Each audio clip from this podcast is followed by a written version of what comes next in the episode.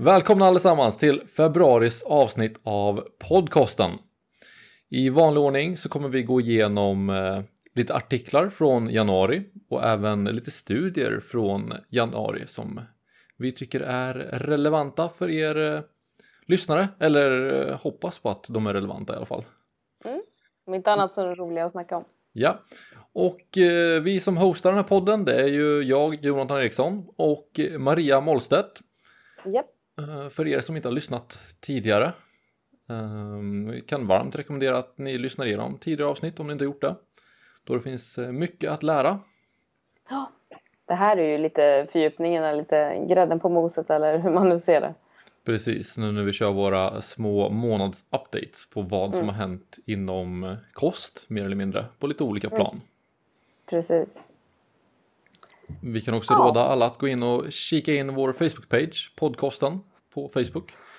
Mm. Och eh, om ni gillar podden, släng gärna iväg en eh, recension på iTunes och Stitcher och ja, den plattformen du nu väljer att lyssna igenom. Det uppskattas. Mycket! Mycket, precis. Eh, Okej. går- Tål att eh, upprepas. Ja, Definitivt! nej, men vad, vad tycker du? Ska vi dra igång eller? Jag tycker att vi drar igång på en gång så ingen tid slösas. Då börjar jag. Gör så. Så här års så översäljas ju media med olika koncept, tips och tricks om hur man kan gå ner i vikt. Så idag tänkte jag att vi skulle snacka mer generellt om olika dieter, vad en diet är, vad som faktiskt fungerar och varför de fungerar. Jag kommer även att ta upp den allra senaste. Haha. Men först tänkte jag fråga dig Jonathan om du har följt en diet. Även om jag vet svaret kanske. Eh, Jag har följt nästan alla dieter. Du har först alla gjort Nej, men ja, men det är bra. jag måste- upp statistiken. Ja, jag måste erkänna att jag har eh, slarvat med den där martini-dieten faktiskt. Men eh, de flesta stora vanliga har jag prövat under åtminstone åtta veckor. ja, ja det, är, det är seriöst av dig. Det är bra att du gör egen research. Och du är inte ensam om det här med att gå på diet. Det är eh, en av tre svenskar som går på en diet. Mhm. LCHF lockar tydligen flest. Det är en undersökning som gjorts på uppdrag av Svenska Dagbladet. Den har även publicerat och cirkulerat på SVT Nyheter vet jag. Ehm, Den visade att eh, var tredje svensk följer en specifik diet och att lågkolhydratsdieten, det är ett svårt ord det där, LCHF, low carb, high fat, ni vet, är mest populär i Sverige.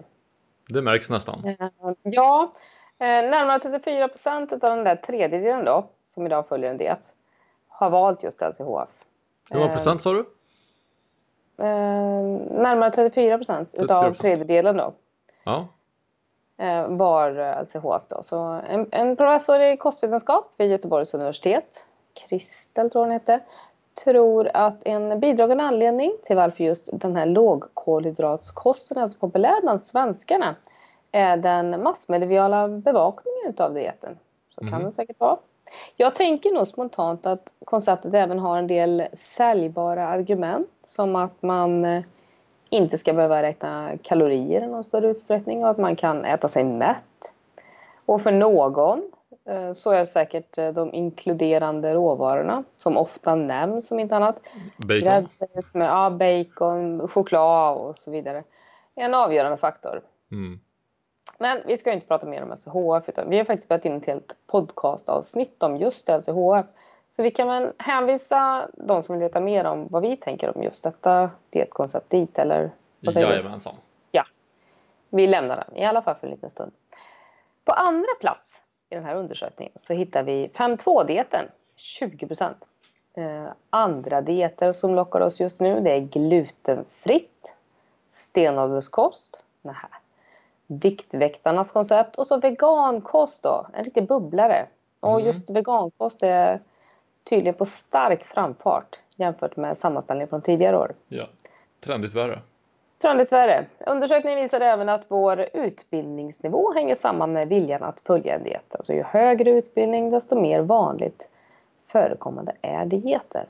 Mm. Dietandet är idag även vanligare bland kvinnor än bland män.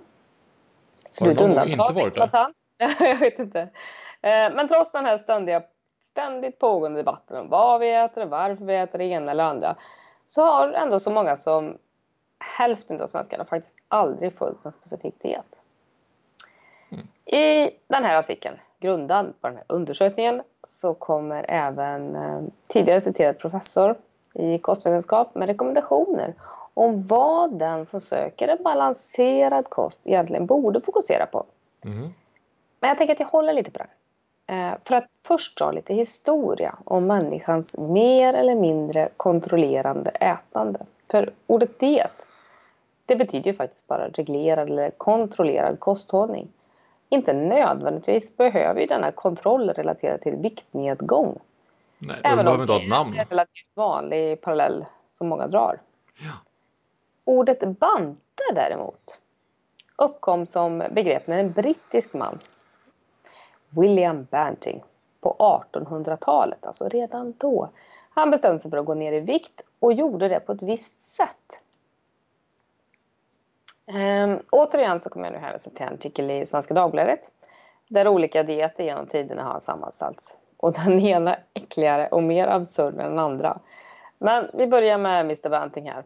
William Banting, en 65 år gammal, 165 cm lång, ja, kort, och närmare 92 kilo tung begravningsentreprenör. Mm -hmm. mm. Försökte minska i vikt.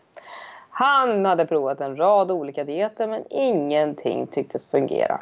Det var likadant då alltså. Till slut så blev han rekommenderad av en läkare att äta mer utav proteinrika råvaror och mindre utav kolhydrater och fett. Under ett års tid med dessa kostråd så gick han ner totalt 20 kilo. Mm. Ja. Man kan ju tänka sig att detta måste ha känts ganska så upplyftande för Mr Banting. Efter alla hans misslyckade försök att komma till rätta med den där oönskade vikten. Ja, absolut. Ja, och precis som flera människor idag väljer att berätta för andra om hur just de lyckades med det som tycktes så omöjligt så ville även Banting berätta för sin omgivning om den här metoden. Eh, han beskrev hur han hade gått tillväga och så delade han ut det här till sina vänner, bekanta i närheten. Eh, I slutet på 1800-talet så kom skriften även svensken till känna, tror eller ej, efter att Bonnier har gett ut den som bok. Bantings kur mot korpulens. Korpulens, det är ett fint ord. Det var verkligen ett fint ord. Övervikt och så vidare. Korpulens, lägg det på minnet. Det var mm. inte så dumt. Eh, den där boken den skulle man ju vilja läsa.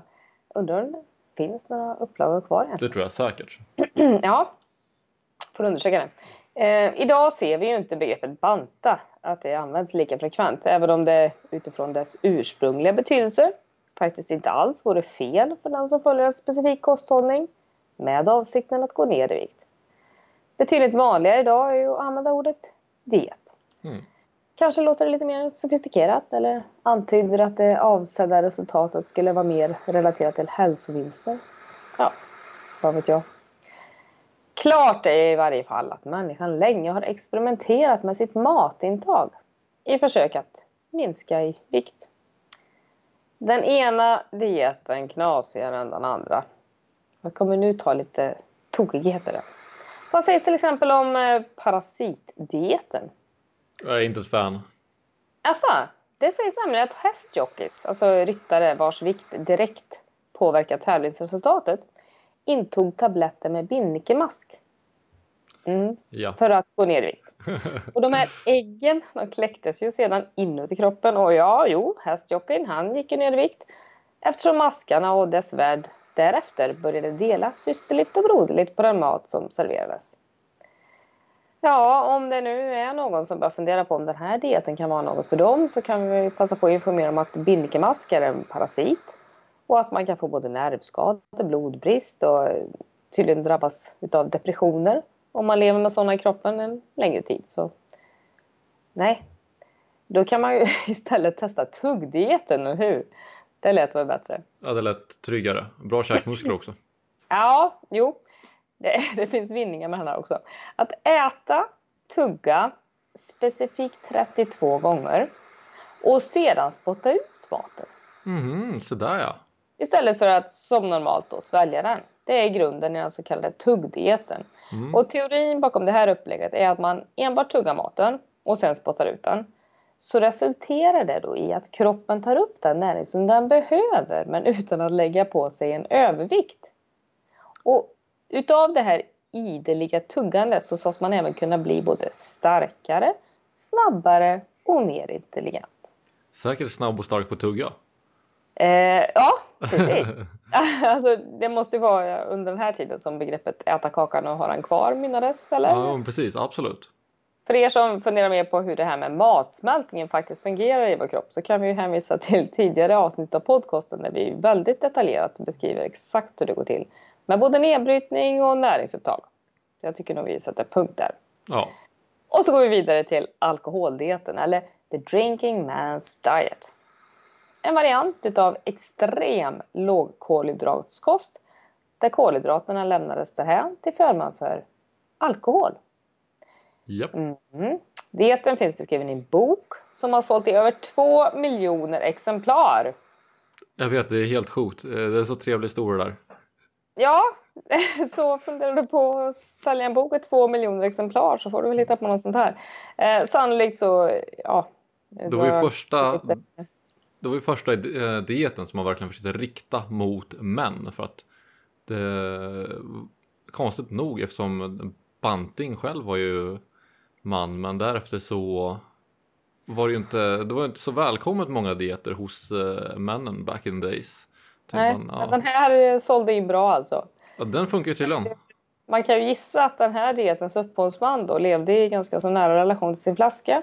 Ja, och kanske inte var beredd att ge upp den i sin strävan efter att gå ner i vikt då. Nej.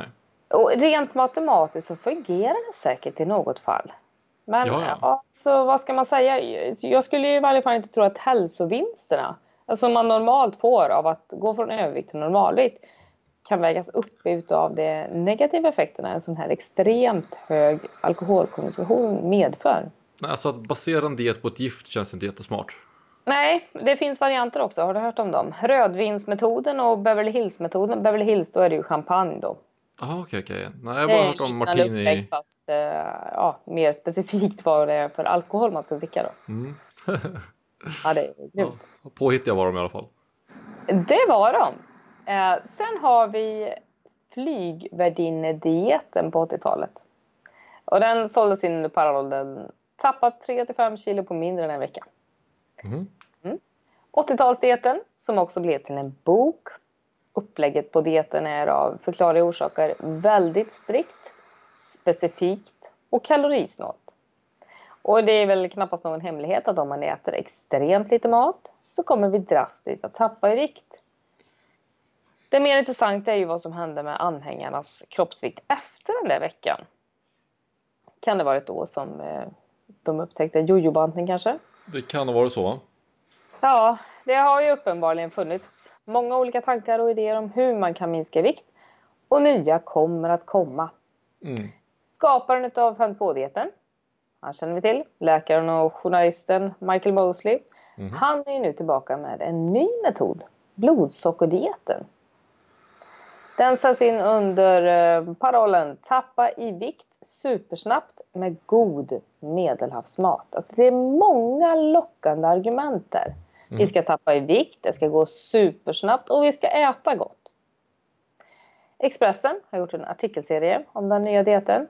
Eh, publicerad under januari månad, jag vet inte, det fortsätter nog ett tag till. Där berättar Mosley själv bland annat att han låtit sig inspireras av en professor i Newcastle som studerade varför just en snabb viktnedgång kunde hjälpa diabetiker. Mm. När han tog fram den här nya metoden. Som nu givetvis även finns beskriven i bokform. De flesta av patienterna i den refererade studien klarade av att följa dieten. Det var ju bra. Eh, de gick mycket riktigt ner i vikt. Det var ju också bra. De blev av med sin diabetes, det var typ 2 då. Och fick normala blodsockervärden. Det hänger mm. ihop lite grann. Mosley framhäver intervjun att blodsockerdieten framförallt är avsedd för diagnostiserade typ 2-diabeter. Diabetiker heter det. Eh, de som befinner sig i riskzonen för att utveckla den här diabetesformen och de som är överviktiga. Eh, och han har tydligen lärt sig sedan sist. Eh, för hans diet 5.2 den hänvisades ju ofta kunna främja ätstörningsbeteende och sådana saker. Men här poängterar han att den nya metoden inte rekommenderas varken, sedan varken sig underviktiga eller det med ätstörningsproblematik. Ja, men det är schysst varning i alla fall. Det var väl bra. Tycker jag absolut. sig fritt från den och det är väl lämpligt att säga. Eh, då kan man ju fundera på vad består den här upplägget i den här dieten? Det är tre principer. Eh, man ska äta medelhavskost. Mm. Eh, med ett lågt kolhydratsinnehåll. Massor av grönsaker, bra proteiner, fiskägg. Eh, lite yoghurt, ost nämns. Långsamma kolhydrater, vet, havregryn och quinoa. Nyttiga fetter. Mm. och så lite frukt och bär då. Man ska undvika snabba kolhydrater. Jag kan inte ens prata idag. Som desserter, godis, flingor, bröd. Och man ska hålla koll på alkoholen dessutom. Eh, man ska inte äta mer eller dricka mer än 800 kalorier per dag under åtta veckor. Ja. Du får snabba resultat på vågen. Joho, jag tackar jag. Jo, det kan ju vara motiverande för någon. Eh, nästan princip att man ska röra på sig dessutom under den här perioden. Man mm. uppmanas att skaffa stegräknare, träna hemma snabbt. Se till så att göra det. Eh, man ska börja försiktigt och testa sig fram. Sen ska man stressa mindre också. Mm. Hitta sätt att varva ner på. Eh, en professor uttalar sig, han jobbar vid Karolinska universitetet. Eh, han uttalar sig i en av de här artiklarna om vad han anser om upplägget. Han säger att metoden som sådan inte är något hokus pokus utan handlar om att äta mindre kalorier än vad man gör av med. Och går man ner i vikt genom att äta sund kost så får man ju även alla de här väntade hälsoeffekterna. Inga konstigheter. Det är ju välkänt sedan tidigare. Däremot så anser han då att just Mosleys upplägg vara väldigt tufft då det baseras mm. på väldigt få kalorier, 800 under den här perioden. Eh, och han är därför lite tveksam till att konceptet leder till några långsiktiga resultat. Mm. Nu tänkte jag flika in den där kostråden som jag pratade om i början, som den här kostvetenskapsprofessorn vid Göteborgs universitet eh, sa. Hon rekommenderar de som söker en balanserad kost att äta så kallad medelhavskost där man byter ut kolhydratkällor som ja, ris, pasta, potatis mot baljväxter, fisk, fleromättade fetter och grönsaker. Alltså mm. typ samma sak. Ja. Men varför tycks vårt blodsocker ha stannat under vår radar igen då? Det kan man ju undra. Även inom LCHF så pekar ju just blodsockret ut som en av bovarna i dramat. Lite förenklat då. Vi har gjort massa avsnitt om det här också Jonathan, eller hur? Jajamensan. När maten vi äter bryts ner till glukos så producerar bukspottkörteln hormonet insulin. Insulin är ett hormon som stimulerar inlagring av glukos i kroppens celler och på så vis så motverkar kroppen att sockernivåerna i blodet blir alltför höga under en längre tid. Om vi äter lättsmält mat såsom socker, och snabba kolhydrater så utsöndras mer insulin än då vi äter mat med lite lägre GI. Ett konstant och högt insulinpåslag kan leda till viktuppgång, högt blodtryck, hjärt-kärlsjukdom, cancer, bla bla. Ehm, en ständigt hög utsöndring av insulin kan även leda till insulinresistent, vilket i sin tur kan utvecklas till diabetes typ 2. Alltså högt konstant och så vidare och så vidare. Men därmed inte sagt att insulinutsöndringen i sig är farligt. Alltså det är ju som sagt ett mer konstant och högt insulinpåslag som vi bör vara vaksamma på och sträva efter att undvika. Håller mm. du med mig?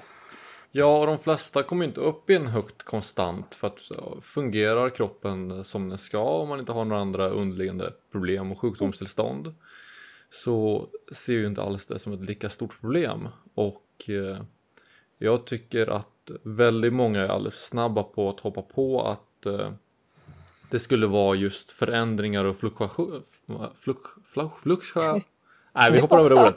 Precis, fan det går inget bra idag Nej. Eh, nej men just att eh, blodsockret höjs och sänks väldigt mycket under en viss tid eh, Att det skulle vara en risk för diabetes Det är mer och mer som verkar liksom dra sig från den teorin och man kollar mer på eh, hur mycket fetter som finns i blodet och hur svårt det blir för insulinet att agera då och mm. även när det kommer till betacelldöd eh, vilket är någonting som eh, sker vid eh, diabetes typ 2 och eh, det är även det som man hoppas på att man ska kunna eller man har sett att man kan eh, sluta den här tråkiga trenden att betaceller dör genom att äta väldigt låg väldigt låg kalorikost när man väl har diabetes. Mm. Nej, men, ja, precis. Att man, att man ser på kroppen som en helhet helt enkelt. Det är mm. det vi säger. Ja. Men ja, apropå det här med blodsocker då så skrev det var också Svenska Dagbladet, en artikel, eh, tror jag den hette Skrota idén om mellanmål. Eh, baserad på en egen, lite mindre undersökning då och eh, ja. expertkommentarer från en diabetesforskare och professor. Mycket sådana här nu. Mm. I artikeln finns det då sköna citat. Så bland annat säger hon att hon förstår inte vem som har kommit på att vi bör äta mellanmål för att hålla blodsockret jämnt. Om man äter hela fråga. tiden så kommer ju blodsockret aldrig ner. Kroppen mår bra av att vila från att äta. Den reglerade det själv. Ja, alltså, de enda vuxna som bör äta mellanmål två gånger om dagen är de som är för smala och vill gå upp i vikt. Mm. Ja, det är väl så. Vi har bombats med att vi ska äta hela tiden. Ja, men det är jättekonstigt. Jag kan inte förstå det. Och samma sak det här med att frukost ja. skulle vara en helig måltid och är superviktig. Det är också så här, hur kan det leva kvar än idag? Det är helt otroligt. Ja. Det är så här, man, man äter när man äter och beroende på hur mycket man äter så klarar sig kroppen rätt bra.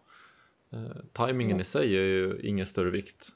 Enda som är otur med mellanmål om man äter väldigt ofta är väl om man har fler frekventa attacker mot tänderna med karies. Men det är väl, mm. det, är väl ja. det som man eh, så kallat vinner på det. Ja. Hon, eh, den här eh, professorn och diabetesforskaren, hon delar också med sig lite kosttips. Hon återkommer alltså bröd bakat på eh, fullkorn, välj bort läsk och sötade drycker, skippa mellanmål, småät inte hela tiden. Mm. Eh, fibrer nämner hon, vettigt, ja. absolut. Suveränt. Eh, grönsaker, ja precis. Det är det vi behöver. Lite tungmotstånd. Hellre äta än att, än att mixa sönder allting och dricka. Mm. Även eh, Kerstin rekommenderar att man rör på sig. Vem gör inte det? Eh, dels då med anledning av att det faktiskt ökar insulinkänsligheten, alltså upptaget av eh, glukos, socker i cellerna. Ja. Och ju känsligare cellerna blir för insulin, desto mindre mängd behöver kroppen producera. Så att det, det där blir en win-win situation. Absolut. Ja, nu har vi pratat om dels en del no-nos när det kommer till dieter. Mm. En så kallad nyhet men även en del eh, kostråd från experter. Ja. Jag tänkte att om du och jag, Jonathan, eh, summerar och, och kanske kompletterar det här lilla dietinlägget i debatten här så, så tror jag att det blir en bra avrundning innan vi går in på alla forskningsstudier som har kommit. Absolut. Eh, jag kan säga att jag personligen var en väldigt stor motståndare till diet överhuvudtaget. Men mm. jag kan inte säga att jag är det längre. Eh, men det måste skötas snyggt. Alltså det gäller att man har en plan. Folk som hoppar på en diet för att de har läst namnen någonstans. Det kanske jag inte är helt för. Eh, jag anser att man bör veta vad, vad man ger sig in i och hur det kommer påverka en. Mm. Och eh, någonting som extremt många missar när man pratar om dieter är att eh, det här med de långvariga resultaten. Det spelar inte så stor roll hur under hur lång tid som du dietar. Om du går ner 5 kilo på ett halvår eller om du går ner 5 kilo på en vecka. Eh, det kan vara lika stor sannolikhet för båda att du behåller den här viktminskningen förutsatt att du inte går ner i muskelmassa under dietandet. Och det är mm. större risk att man går ner i muskelmassa om man gör en intensiv snabb diet. Men har man det check och man kontrollerar och man gör allting för att motverka det så behöver det inte vara sämre med en kort diet. Så att, eh, kan man hålla fokus och stå ut och vara hungrig under en specifik period, då kör bara. Mm. Jag skulle också vilja uppmana till att eh, fler lägger ett större fokus på hur och när och varför man äter än vad man äter. Alltså att man, att man i grunden förändrar sitt ätbeteende helt enkelt. Absolut. För att om man nu vill eh, liksom bibehålla det här resultatet, det får man väl ändå eh, hoppas att de flesta vill. Så då handlar det om att förändra ett ätmönster, tankebanor, annars så hamnar man i den där jojon igen. Ja. Vissa har jättestora problem att eh, i sociala till, tillfällen att det inte går att kontrollera sig av någon anledning. Vissa kommer märka att de kanske äter alldeles för mycket framför TVn jämfört med vad de gör vid ett vanligt matbord utan TV. Mm. Andra har bara en oral fixering och måste tugga på någonting hela tiden. Då kanske det är bättre med tuggummi än att liksom trycka i sig nötter eller någonting. Eh, så det är många saker som får folk att överäta. Mm. Och den liksom stress är en klassiker, sömnbrist är en klassiker, stillasittande är en klassiker. Eh, så att just att lista ut vad det som får en att eh, ta upp en dålig matvana är ju absolut värt att verkligen tänka djupt in. Mm. Nej, man äter det där som man inte vill äta egentligen. Man inte ens vet varför man åt det för man är inte hungrig utan man bara äter det. Jo, precis. Sen tycker jag många hakar upp, med, hakar upp sig på det här med god mat. Men mm. smaken är faktiskt som baken. Och självklart ska, ska mat smaka bra. Mm. Eh, men om man tidigare har levt på vitt mjöl, hämtmat, läsk och socker då, då kommer det ta ett litet tag innan man liksom har ställt om och neutraliserat sina smaklökar. Mm, eh, och vänja sig vid nya konsistenser. Och... Ja, smaken spelar ju jättestor roll. Jag pratade med en klient om det här eh, häromdagen, vilket var intressant. Just det här om smak, textur, värme, hur mycket det spelar roll på hur vi äter. Till exempel är jag rätt säker på att alla, det här har jag inte sett någon studie på, men Nej, eh, behöver inte vara studie på allt. Nej, precis. Eh, nästan alla skulle nog äta mindre av en icke uppvärmd, om vi ser en vanlig ost, en vanlig hårdost som mm. du har i kylen. Om du skulle hacka av och äta den torrt utan att värma upp den mm. så tror de flesta verkligen skulle äta mycket, mycket mindre av den än om man smälter osten till exempel. Eh, smält ost har ju folk en tendens att kunna äta hur mycket som helst av. Mm. Och skulle man jämföra till exempel med en toast, om du inte värmer upp en toast i ett toastjärn eller någonting Nej, precis. Då, då, är det inte så jävla spännande. Nej. Eh, däremot släng på den där med lite värme så allting smälter ihop så blir det ju äckligt gott och de flesta kan äta alldeles, alldeles, alldeles för mycket av en sån mat som är liksom ja, ganska vitt bröd som är liksom, eh, har en viss sötma till sig, det har mycket mm. fett, det är varmt, det är mjukt. Det är Blanda socker och fett och salt så har du en vinnande sälj. Superlätt att äta för mycket av. Men har du det kallt, inte alls lika lätt. Nej. Eh, sen eh, såg jag ett roligt eh, räkneexempel eh, mm. på de här med undantagen. Vet, man ska äta på undantagen. Mm. Eh, och man då lägger ihop alla, alltså antalet ordinarie helger, fredag ja. till söndag. Och så våra mer storslagna helger. Här har vi hela julveckorna, nyår, påsk, pingst, midsommar. Ja, det finns ju många anledningar att fira. Ja. Och så var alla festtillfällen då. Ni vet, mm. Eh, födelsedagar, bröllop, begravningar ja, och så kollegan slutar och namnsdagar. Ja precis, det finns ju alltid. Och så ledigheterna till det. Mm. Semesterperioden och gud vet allt. Det blir väldigt många unna dig tillfällen på ett år alltså. Väldigt ja, det tror jag många. verkligen. Ja. Um... Fanns det någon konkret siffra? Uh, nej, men jag tror att man kommer upp i en tredjedels år i alla fall. Ja, det tror jag säkert. Om någon lyssnare känner sig manad att räkna på det där, snälla skicka in den siffran. Alla undantagstillfällen. Precis, det måste vara fruktansvärt mycket. Jag kan tänka mig att det skulle vara nästan halva året i stort sett. Ja, det Om man är verkligen hur, så slapp med... hur social man är och sådär. Men, men liksom, mm. räkna in bröllop och fredagsfika på jobbet och sen så kommer man, ja du vet. Precis. Ah. Ja, det blir en väl... del. avsluta med det. Ja, det blir nog en del. Eh, det hade kommit lite nytt på forskningsfronten också. Det här har varit en mycket bra månad. Det såg ja, eller... väldigt mörkt ut fram till mitten av månaden och tänkte så här, fan det var inte så mycket kul som kom ut nu. Nej. Men sen släppte det till. Eh, och jag har haft mycket att läsa eh, senaste veckan eller två till och med. Och först och främst så tänkte jag att vi kommer in lite grann på det här med diabetes igen för vi var ju ändå inne på det spåret. Ja. Och i en studie så jämförde man med hur effektivt eh, animaliskt mm, jämfört med eh, protein från eh, växtriket var. Då kollar man framförallt på soja med isoflavon, små ämnen som kan komma med sojan, framförallt två stycken olika där. Mm vad som hade bäst effekt när det kom till att hålla diabetes borta. Mm, intressant, ja.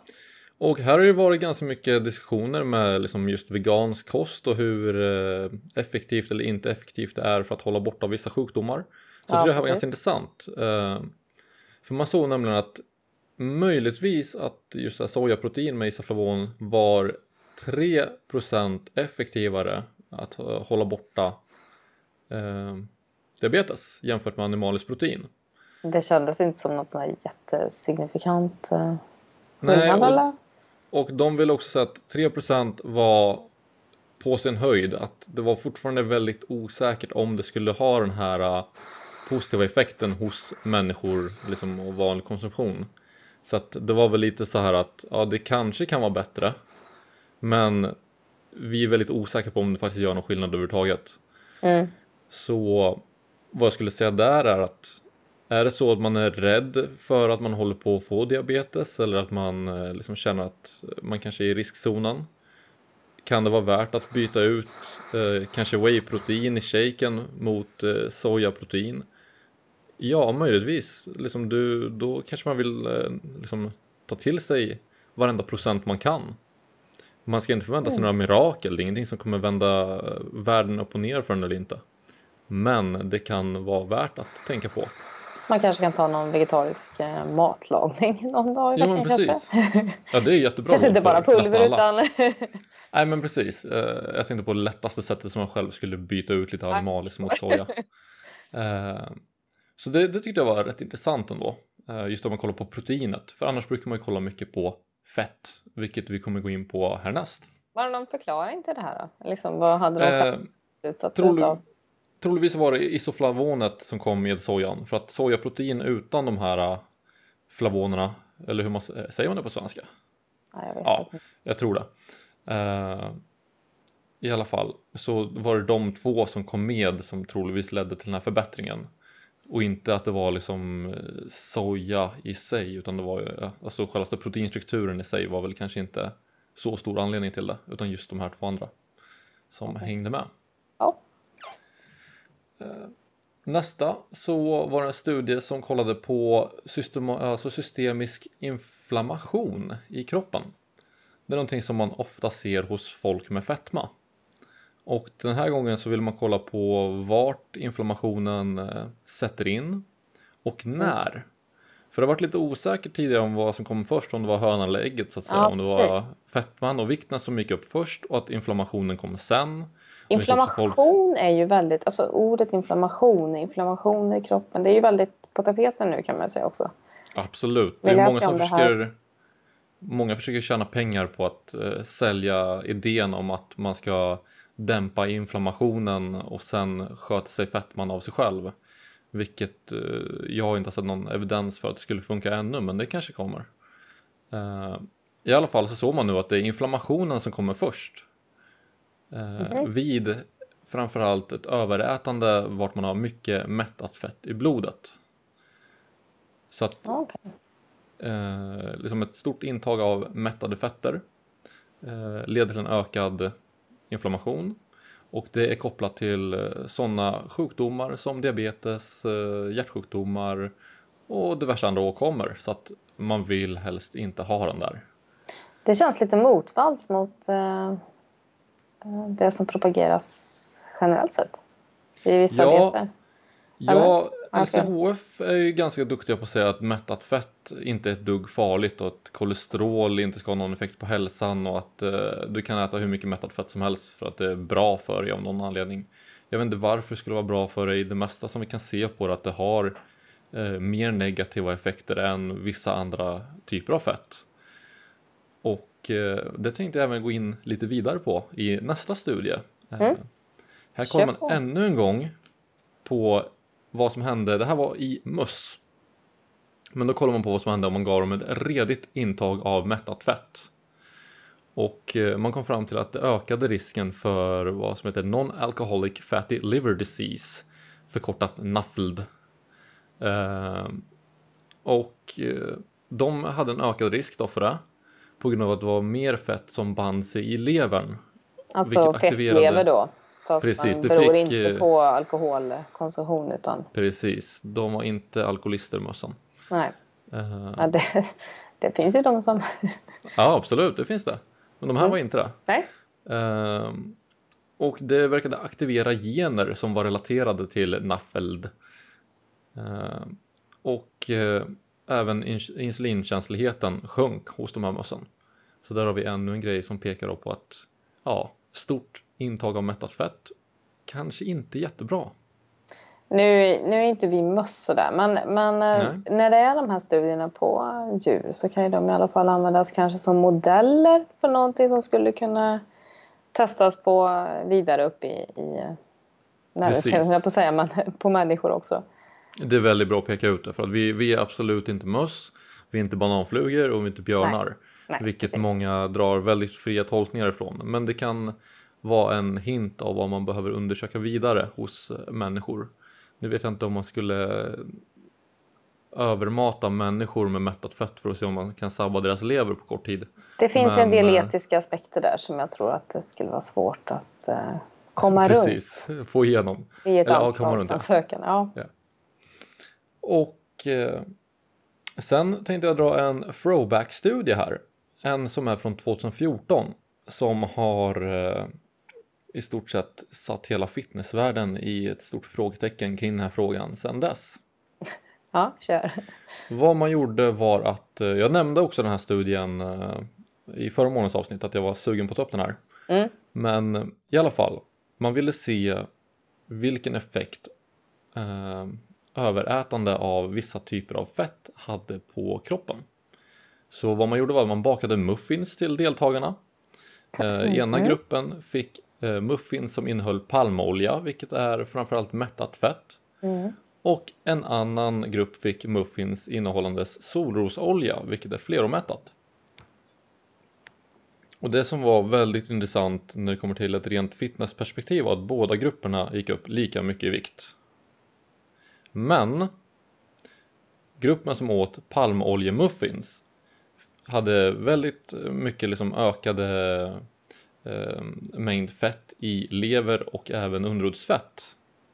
Mm. Medans den andra gruppen som åt solrosolja, fleromättat, eh, gick upp desto mer i len massa. Det vill säga att det var inte alls samma ökningar i varken leverfett eller underhudsfett. Även om det var ökningar där också. Den extra Och- energin eh, kom till bättre nytta kan vi ju fastslå då. Precis. Och det som är eh, som man måste tänka på med den här studien, att man har inte sett några andra liknande resultat tidigare.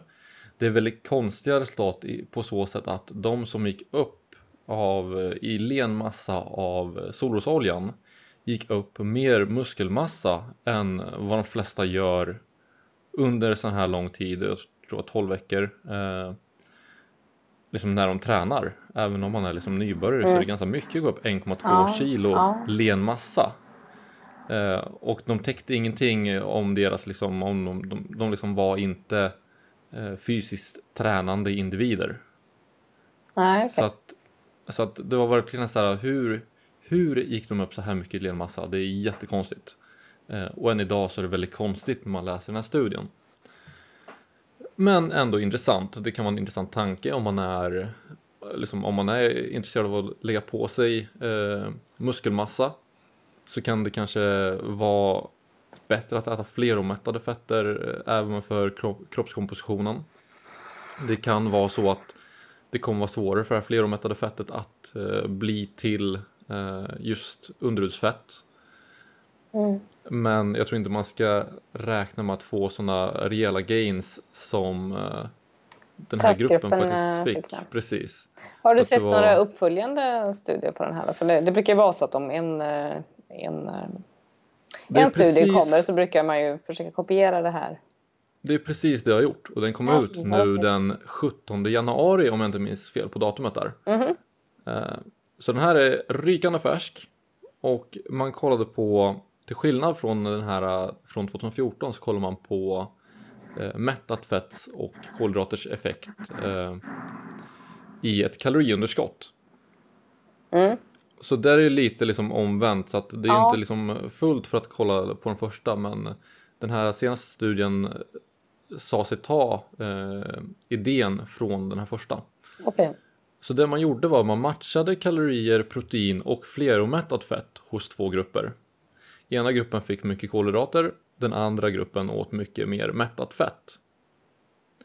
Så enligt den här första studiens resultat kan man tro att ja, eftersom ena gruppen äter väldigt mycket mer eh, mättat fett så borde fettminskningen vara eh, det borde vara en stor skillnad på dem för att båda äter ändå lika mycket fleromättat protein Mm. och kalorier. Mm. Det som, man vet att protein kan eh, göra att det varierar en hel del.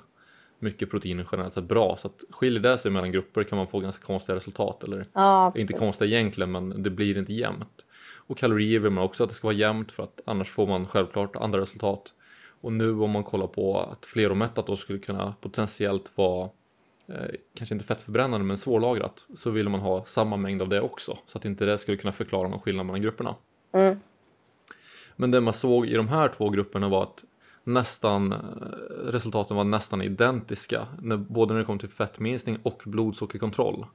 Så det var extremt lite skillnad mellan grupperna. Vissa, en av grupperna hade bättre resultat i början eh, medan den andra gruppen hade bättre resultat i slutet. Det tog längre tid för resultaten i kolhydratgruppen att komma igång men den, deras resultat var bättre efter åtta veckor.